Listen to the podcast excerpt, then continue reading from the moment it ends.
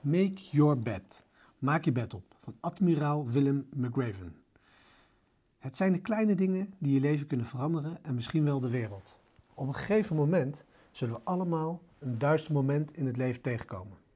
Als het niet het overlijden van een geliefde is, dan is het iets anders dat je compleet zal verpletteren en je zal laten twijfelen over je toekomst. Rijk op dat donkere moment diep in jezelf en wees dan op je best. Quote van Admiral McRaven. Hoe doen we dat? Via zelfpraat vertel je jezelf over wat je helpt om je doel te bereiken. In deze context zou het ongeveer zo gaan. Als ik voor een duister moment sta, dan ben ik nog meer toegewijd aan mijn protocol om ervoor te zorgen dat ik het emotionele uithoudingsvermogen en het agile, anti-fragile vertrouwen heb wanneer ik dat het meest nodig heb. Meestal, als we het moeilijk hebben, laten we ons protocol vallen. We gaan later naar bed toe, slechter eten of we geven meer aan verleidingen. De kunst is om juist tijdens een duister moment je toewijding aan jouw protocol te intensiveren. Intensiveren. Herbevestig je commitment aan je protocol en ga met nog meer vastberadenheid aan de slag.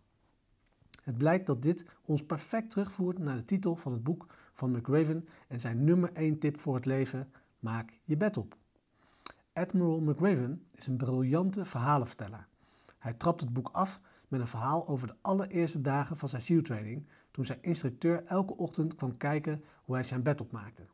Waren de hoeken precies goed weggestopt? De grijze deken vakkundig tot een rechthoek gevouwen aan het voeteinde van het bed? Met het kussen gecentreerd bovenaan het bed in een hoek van 90 graden doorsneden met de deken onderaan? Dat was de norm. Elke afwijking en hij zou een berisping krijgen.